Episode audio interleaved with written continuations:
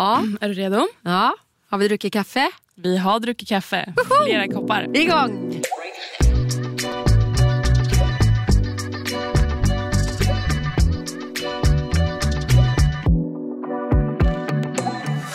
Då så, nu är det äntligen dags för oss att dra igång ett nytt avsnitt av Break It Podcast. Mitt namn är Åsa Johansson. Jag är programledare för den här podden och reporter på Break It. Och med mig idag har jag min eminenta eh, kollega Julia. Hej, Hej! allihopa! Hur är läget? Det är bra.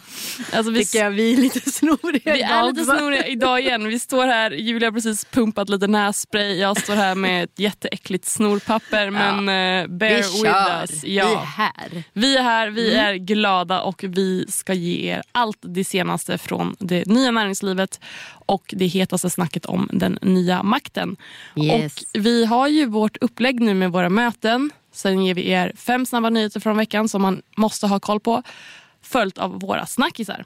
Så vi kör igång helt enkelt. Ja, Ja, men mitt möte, eh, faktiskt inte den här veckan ska erkännas, utan det var här om veckan faktiskt, är med en person som heter Carl von Waschenfeldt, tror jag man uttalar det.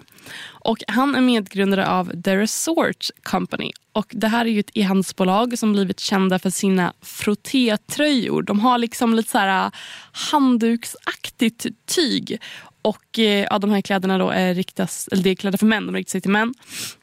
Känner du till det här eh, bolaget Julia? jag har faktiskt inte hört talas om det här bolaget. Berätta. Wow! Ja, men, eh, jag tyckte så här, i somras innan jag visste vilket bolag som låg bakom det så tyckte jag att man såg folk gå omkring med de här tröjorna lite överallt. Och då när jag pratade med eh, Carl som är medgrundare för det här bolaget häromveckan så var det först en, i min uppfattning, något stressad entreprenör ändå som jag fick tag på. Eh, och Det var inte så konstigt för kvällen innan hade han eh, landat i Stockholm och kommit hem från Paris Fashion Week där han hade träffat eh, befintliga och potentiella återförsäljare och visat eh, kommande kollektioner för införsäljning och så. Och Det här bolaget har ju hypats ordentligt och för ungefär ett år sedan så tog de in ett par miljoner i kapital från eh, kända namn som författaren Jens Lapidius och tv-profilen eh, Per Lernström. Spännande. Hur går det för det här bolaget nu då? Ja, men de är snart redo att lägga korten på bordet för det gångna året och enligt grundaren så är de supernöjda eh, med året som vi nu har bakom oss. Han sa dock att det har varit ett tufft år makroekonomiskt och att man inte har fått så mycket gratis. Och Det har vi ju hört från flera håll och kanter eh, bland liknande bolag också. Och, eh, ja, men vi rapporterade ju tidigare om det här företaget och då omsatte de 2,4 miljoner kronor alltså under 2022. Och Då uttalades att målet för 2023 var att omsätta över 5 miljoner kronor. Så det här var en fråga som man behövde följa upp. Har de lyckats? Och enligt Karl då så är det där omkring i krokarna. De hade inte alla siffror helt klara. Resultatet eh, blev dock i linje med året innan, så en vinst på runt 30 000. Så en, en liten, liten vinst där. Och hur kommer det sig att de inte ökar resultatet då? Mm, en bra fråga. Så De har tydligen gjort vad de kallar för strategiska engångskostnader. Och Det innebär att de har investerat i marknadsföring, gjort en större, ett, som ett större varumärksarbete, flyttat lagret och registrerat varumärket i några nya länder. och så. Mm. Finns det något särskilt eh, som du Åsa tar med dig från just det här mötet? Mm, men en sak som jag tänkte på är liksom, hur når de ut? Just för att bolaget verkligen hypats så himla mycket. Så hur har de liksom gjort för att få spinn på det här? Och han sa att ja, men en hel del är verkligen genom annonsering och såklart sociala medier. Men han trodde att nyckeln till att det har gått så bra eh, är att de har fått bra genomslag i modepress och livsstilsmagasin. Exempelvis GQ och eh, Business Insider. sa han. Och då tänkte man sig, ja det kan nog stämma för då sätter man ju liksom de här plaggen i liksom rätt kontext. För de ser liksom inte ut som en tröja man drar på sig och går till jobbet. Utan det känns lite mer så här avslappnat, lite lounge outfits typ, du vet som det kallas eh, numera. En annan grej han sa var att utmaningen från förra året eh, som grundar sig i att konsumenterna är mindre köpstarka än tidigare ännu inte försvunnit helt. Eh, så vi får se hur det går där helt enkelt. Spännande. Vi Ja. följer om. Verkligen. Vad har du haft för möte Julia? Ja, men jag har haft ett väldigt spännande möte. Eh, Breakit kan ju titt som tätt få lite kritik för att vi inte lyfter upp personer och case från hela Sverige utan att vi är lite Stockholmsfixerade. Mm, det här har du säkert också hört Åsa. Man kan ju argumentera då för att den största delen av riskkapitalet finns i och runt Stockholm men vi skulle det vara lite kul att höra vad som händer eh, men i Norrbotten eller, eller Skåne ibland, vad de ser för trender. Eller vad, vad säger du? Ja men absolut, Ja. verkligen. I veckan helt enkelt så ringde jag upp en person då som också är med på vår kvinnliga styrelselista i år. Stort grattis till det. Lena Fridlund Forsgren heter hon. Eh, hon är investment manager på Partner Invest Norr. Och det här är då ett riskkapitalbolag som är verksamt i Norr och Västerbotten som har startats på initiativ av Norrlandsfonden och Almi Invest. Och de har ett väldigt nära samarbete med eh, inkubatorerna och universiteten där uppe. Okej. Och det finns faktiskt en anledning till att jag pratar med just Lena för det har koppling till min snackis som jag ska prata om senare då helt enkelt. Mm, spännande. I norr är det väldigt mycket spännande saker som händer. De har ju väldigt stora industrier, de har eh, attraherat stora mängder riskkapital. Eh, bland annat då Northvolt och eh, H2 Green Steel. Och det är en kamp om talanger kan man säga. Eh, då de här tunga industrierna suger ut kompetens som tusan, säger Lena. Mm. Okej. Ja men det är ju fullt förståeligt. Det händer Ja. ju mycket där. Men vilka är de största trenderna eh, som sker i norr då? Vad, vad pitchar de just nu? Ja, men det övergripande är att entreprenörerna är väldigt impactdrivna. Alltså så ser det ju säkert ut i resten av landet också. De vill förändra världen. Och även om det inte är så här impact case by default så är de oftast drivna i det perspektivet. Och det de ser mycket av eh, i norr då är så här vertikala SaaS-lösningar som riktar sig till nischer som verkligen behöver det. Alltså fastigheter, HR, revision. Sen är det självklart den här AI-trenden. AI-hypen har vi ju hört mycket om. Eh, Lena eh, hör universiteten prata konstant om så här, det, ja, men datamängder och datatester. Och de genomför mycket forskning kring det. Men än så finns det mycket kvar att bevisa här då. Sen ett annat område som är jättestort just i Väst och Norrbotten är eh, life science. Alltså e-hälsa, digitala behandlingar, nya terapier som så här smälter samman med wellness. Och ofta då med inslag av så här gamification eh, för att få kunder att nyttja dem på rätt sätt. Och sen har vi en annan grej då som är space tech. Alltså rymdteknik och det här är ju väldigt väldigt spännande eh, utveckling men fortfarande väldigt ungt. Så här finns det mycket, mycket att önska då i, i deal flow. Alltså de väntar på riskkapitalet här. Det är väl, väldigt tidigt område. Liksom. Men du, jag tänker så här, alltså, vissa av de här områdena känns ju nej, men väldigt risky att investera i ändå i och med att det är så pass tidigt. Ja. Hur tänker man som investerare kring den här riskviljan? Ja, det är lite läskigt. Eh, men just Partner Invest Norrs uppdrag då, det är så här att säkerställa ett inflöde av nya bolag. Alltså, de drivs ju av Almi Invest och de går in i nya bolag helt enkelt för att det ska finnas så många som möjligt eller för att de ska liksom påverka. Nya bolag ska ta, startas. Liksom. Men det här sker ju med privatkapital eh, och det här har varit försiktigt absolut samtidigt som då värderingen har gått ner och det sker mindre exits. Men det finns nu signaler på att eh, transaktionerna ökar uppe i norr och att den värsta torkan är över. Alltså de har sett en stadig ökning under 2024 och det är jättekul. Då. Vad intressant. Men det finns det någonting som är eh, iskallt då? Vad vill investerarna absolut inte lägga pengarna på? Ja, det finns iskalla områden och det här är säkert samma som för övriga Sverige kan jag tänka mig. Eh, elektrifiering till exempel, eh, elskotrar, båtar, bilar, cyklar, you name it. Alltså, eldrivna fordon. Ja, och det här har vi också sett många, eller många, men vi har sett konkurser inom det här. Breakit har ju skrivit om eh, Cake då bland annat här senaste veckorna. Ja. Men nu så är det så, i norr så har de eh, åtminstone ett elskoterbolag som precis har lanserats då, eh, som heter Vidde. Så det finns där uppe åtminstone. Men sen har vi också blockkedjor och fintech som verkar iskallt. Det här kan vara en tillfällig trend. Eh, men här ser man att volymerna då har gått ner kraftigt. Fintech har väl mognat lite grann och det är tufft för nya startups att eh, komma in på de här områdena helt enkelt. Mm. Alltså att fintech blir lite mer liksom, etablerat? Ja, ja, och det finns redan så många bolag som har tagit en stor del av kakan där så det är liksom svårt att komma in nu. Mm, man behöver eh, komma på någonting helt nytt då kanske? Ja, ja. absolut. Eh, så fintech verkar, verkar rätt kallt just nu. Men mer av Lenas tankar kan man läsa på Breakit i en intervju som publiceras inom kort.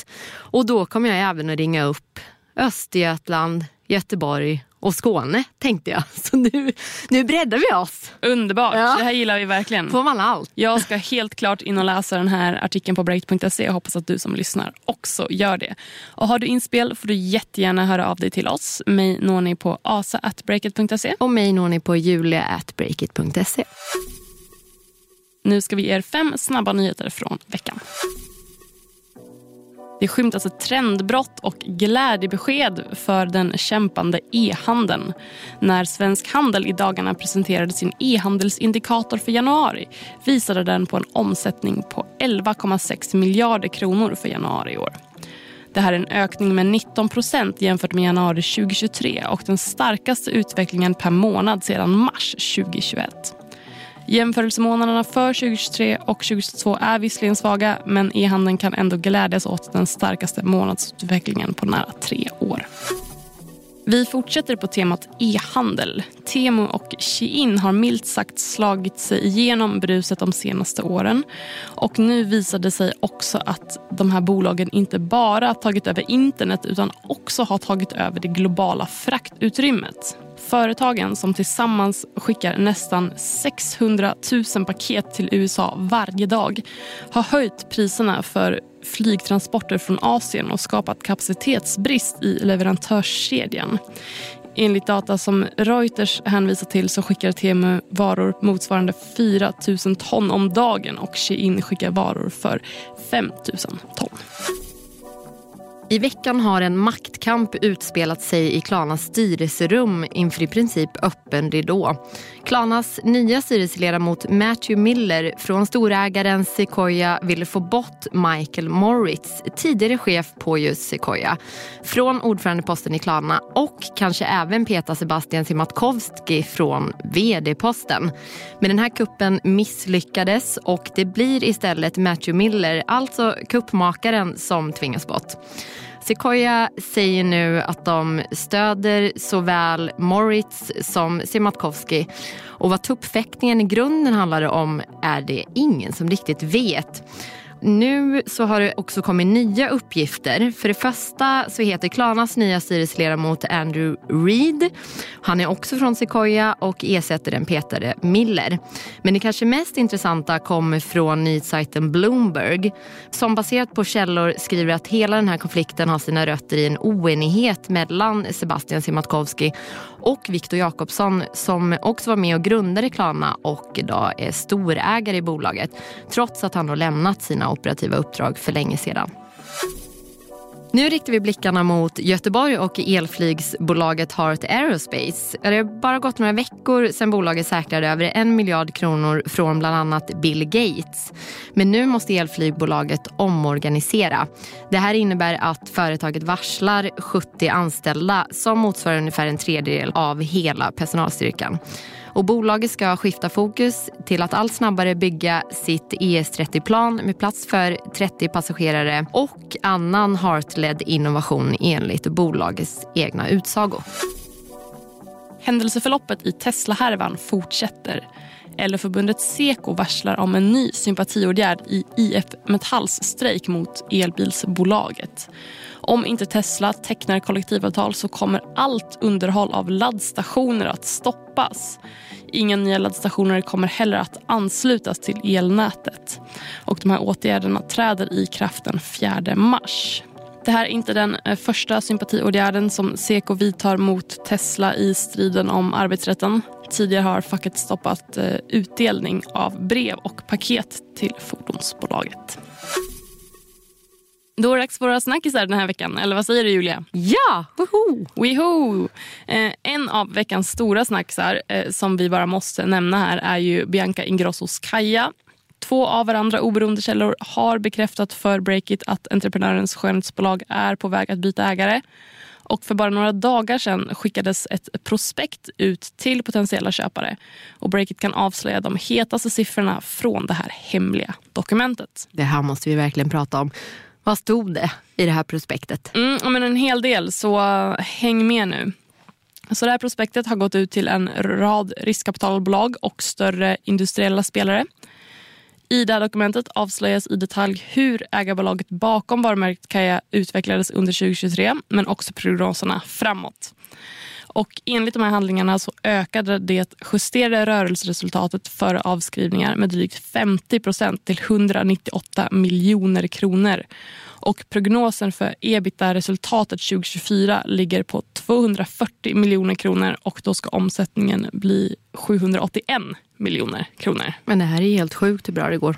Vad, är det? Ja. Vad framgår för mer information här i? Nej, men, kunderna beskrivs som extremt lojala, alltså nästintill sektliknande i sitt, eh, alltså i sitt support Jag av älskar det. Kaja. By the way, sektliknande. Sektliknande. ja. I mean, right? En sekt. En sekt. Kaja-sekten. Ja. Och det ju, då kan man ju tänka sig att det inte bara support till Kaja, det är också support av Bianca Ingrosso själv får man anta. Och det görs också en poäng av att ledningen eh, består endast av kvinnor. Men så här tänker jag, alltså det diskuteras ju hur pass Kajas framgångar fortfarande är kopplade till Bianca Ingrosso som person. Och vi har rapporterat om att det liksom helt avgörande för prislappen på Kaja är om säljarna kan övertyga en potentiell köpare att varumärket kan växa ut i Europa utan den direkta draghjälpen från Bianca Ingrossos popularitet. Och vad tror du om det? Alltså kan Kaja fortsätta stå så här stark utan eh, Bianca? Ja, alltså vi har ju snackat ganska mycket om det här eh, i podden genom åren när vi har följt Kajas utveckling. Och jag tror verkligen att, att en, en väldigt stor del av framgången hänger ihop med eh, att Bianca Ingrosso är en så omtyckt profil. Men med det sagt så kanske hennes följare kommer att fortsätta förknippa varumärket med henne även om om hon av någon anledning skulle skjuta ut sig. För det här bolaget är ju liksom inte en liten startup längre. Det är ju superetablerat. Folk tänker Kaja, då tänker man Bianca Ingrosso. Så även om hon liksom inte frontar exakt allt eh, och jag tänker liksom alla nya produktsläpp och så vidare så tänker man nog ändå liksom ah, Kaja, Bianca Ingrosso. Mm. Men det är i alla fall på den svenska marknaden ska tilläggas. Men det sagt så har en källa till Breakit sagt att eh, allt talar för att det blir en industriell köpare eh, som till exempel L'Oreal. Och i den miljön tror källan att Kaja passar bättre än i ett riskkapitalbolag. Det är också en industriell köpare som kan betala mest. Och jag tänker att en sån köpare skulle helt enkelt kunna öppna nya dörrar för Kaja med eller utan Bianca Ingrosso. Mm. Vi har rapporterat eh, att om det blir en stor skönhetskoncern så skulle prislappen kunna krypa upp mot 4 miljarder kronor. Men samtidigt så uttrycker flera riskkapitalister som Breakit har pratat med skepsis inför de här nivåerna, eller hur? Det är högt. Ja, nej men verkligen. En person eh, med lång erfarenhet av att värdera varumärken som Kaja har uttryckt att Kajas typ av målgrupp inte alls är särskilt lojala. Och den här målgruppen är ju då tjejer, kvinnor, ganska unga. Sådana från unga tonåringar till ja, men ändå lite upp i åldrarna. Och alltså, Så kanske det är att den här målgruppen inte är särskilt lojal och så vidare. Men det är också en väldigt stor eh, målgrupp. Det är, liksom, det är inte bara några tusen personer som, som köper de här produkterna utan det är betydligt, betydligt fler. Och Bianca Ingrosso är inte heller vilken influencer som helst. Hon är rikskändis och eh, hon har helt andra förutsättningar än andra vad ska man säga, influencers som liksom endast har avstamp i att de är influencers. Förstår du vad jag menar? Mm, mm. Eh, Absolut. Så hon har helt andra förutsättningar.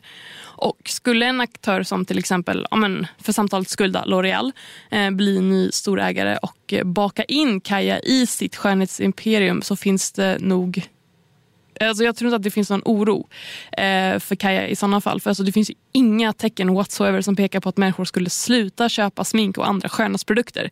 Det är ju inte på kartan. I sådana fall så är det så här, okay, nej men det är väl större efterfrågan på exempelvis men, veganska produkter och sånt. Mm. Men det finns ju inte på kartan att man slutar köpa smink. Nej, nej, nej. nej. Det, är ju, det behöver man ju. Fortfarande. Och jag håller faktiskt inte alls med om att det skulle vara en flyktig målgrupp. Alltså jag vet folk som har testat det här sminket och som aldrig går tillbaka till något annat. Nej. Så det handlar mycket om kvalitet här tror jag. Ja, det tror jag Alltså- också. Har du, har du testat? Jag har testat. Eh, Jag testade faktiskt första gången för några veckor sedan. Jag har varit lite så här anti. Jag vet inte varför. Kanske för att det är en influencer. Jag- Jag vet inte. Eller för att det känns lite så här... Så känner jag att det är liksom så jobbrelaterat. Liksom. När jag tänker Kanske. Kaja då tänker jag på... På jobbet. Ja, man, jag tänker på jobbet.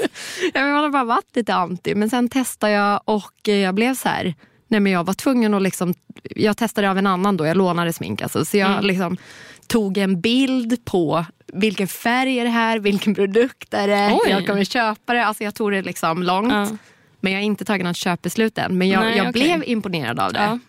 Så man stannar ju säkert kvar för kvaliteten. Det är inte bara för det Bianca. Liksom. Ja, nej. Alltså jag tänker för alltså, en influencer som hon, alltså hon kan nog alltså, sälja i princip vad som helst. Mm. Men den här utvecklingen som vi ser i Kaja skulle ju inte fortsätta om produkterna inte var något att ha. Exakt. Det känns ju orimligt. Liksom. Ja, nej men verkligen. Vad har du mer för tankar kring den här potentiella affären? Ja, men en sak som jag verkligen har tänkt på är ju att det är flera medier som har lyft upp det här efter att Breakit rapporterade om det. Och Det är bland annat Aftonbladet. Och Någonting som jag verkligen reagerade på i deras bevakning var att den här nyheten låg liksom under kategorin nöje. Weird. Ja, men det, alltså det är helt sjukt ändå. Alltså visst, Bianca Ingrosso kommer från en väldigt känd familj. Många av de som ingår i den här familjen är profiler inom underhållning, artister och det är ju Bianca Ingrosso också till, ja, till viss mån. Liksom. Och ja, hon har många järn i elden, både som entreprenör, influencerprogramledare och allt vad nu hon gör. Men jag tycker verkligen att det är dags att hon ses som den affärskvinna hon är och inte något annat. Alltså vi pratar ju om, om miljardbelopp i den här eventuella affären. då. Och jag, alltså jag förstår visst, hon är ung. Hon lägger ut massa bilder från sitt privatliv på sociala medier för hon är influencer. Något som traditionella affärskvinnor eller affärsmän inte har gjort i samma utsträckning. Men alltså jag kan bara säga välkommen till det nya näringslivet. Makten ser inte ut som den har gjort tidigare. Så jag tycker att eh, Aftonbladet ska ta den här eh, artikeln de har skrivit och lägga den under eh, ekonomibevakning och eh, inte nöje helt enkelt. Jag hoppas de lyssnar på podden. Ja, det Och hoppas jag det. Det gör de såklart. Men vi bevakar eh, självklart mer där och rapporterar Ja. tillbaka om vad som händer. Såklart. Yes. Men du, över till din snackis Julia. Över till min snackis. Ja, men jag har ju suttit i en liten bubbla här de senaste veckorna och jobbat med en väldigt rolig grej tycker jag. Mm, låt det, höra. Ja, men det började med att vi kände att allt var ganska deppigt just nu. Alltså Det är mycket konkurser och, och varsel och vi ville lyfta fram det positiva som, eh, som sker i form av affärsidéer från hela Sverige. Så jag har alltså gjort en djupdykning i svenska startups som sitter på inkubatorer och eh, har vaskat fram 57 stycken guldkorn från norr till söder. Och det här är då bolag som är i starten av sin entreprenörsresa och eh, därför så har ju fokus legat på just innovativa idéer då snarare än hur mycket de omsätter. För det är flera av de här bolagen som kanske inte har några intäkter än. Nej. Men gemensamt för de allra flesta i den här kartläggningen är då att de har hunnit ta in sitt första riskkapital och på så vis fått en viss validering då av kapitalmarknaden, vad de kan vara värda. Hur har det här urvalet gjort då? Alltså, det måste varit ganska svårt. Ja men det har varit eh, lite, lite kämpigt men urvalet har gjorts eh, tillsammans med företrädare för Sveriges inkubatorer, alltså från hela landet då, som dagligen arbetar med att erbjuda eh, stöd för att utveckla företag och i vissa fall då även putta in kapital i dem. Och här har vi liksom, ja, men vi har kunnat gå utanför Stureplan som det ju så ofta handlar om eh, annars och kika överallt.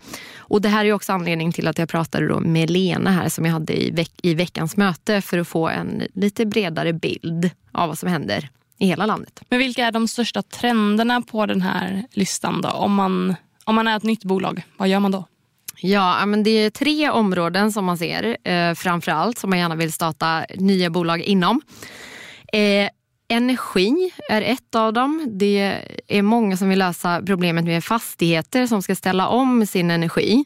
Och det är en jättestor fråga som eh, påverkar många och inom den här sektorn så ingår även batterier.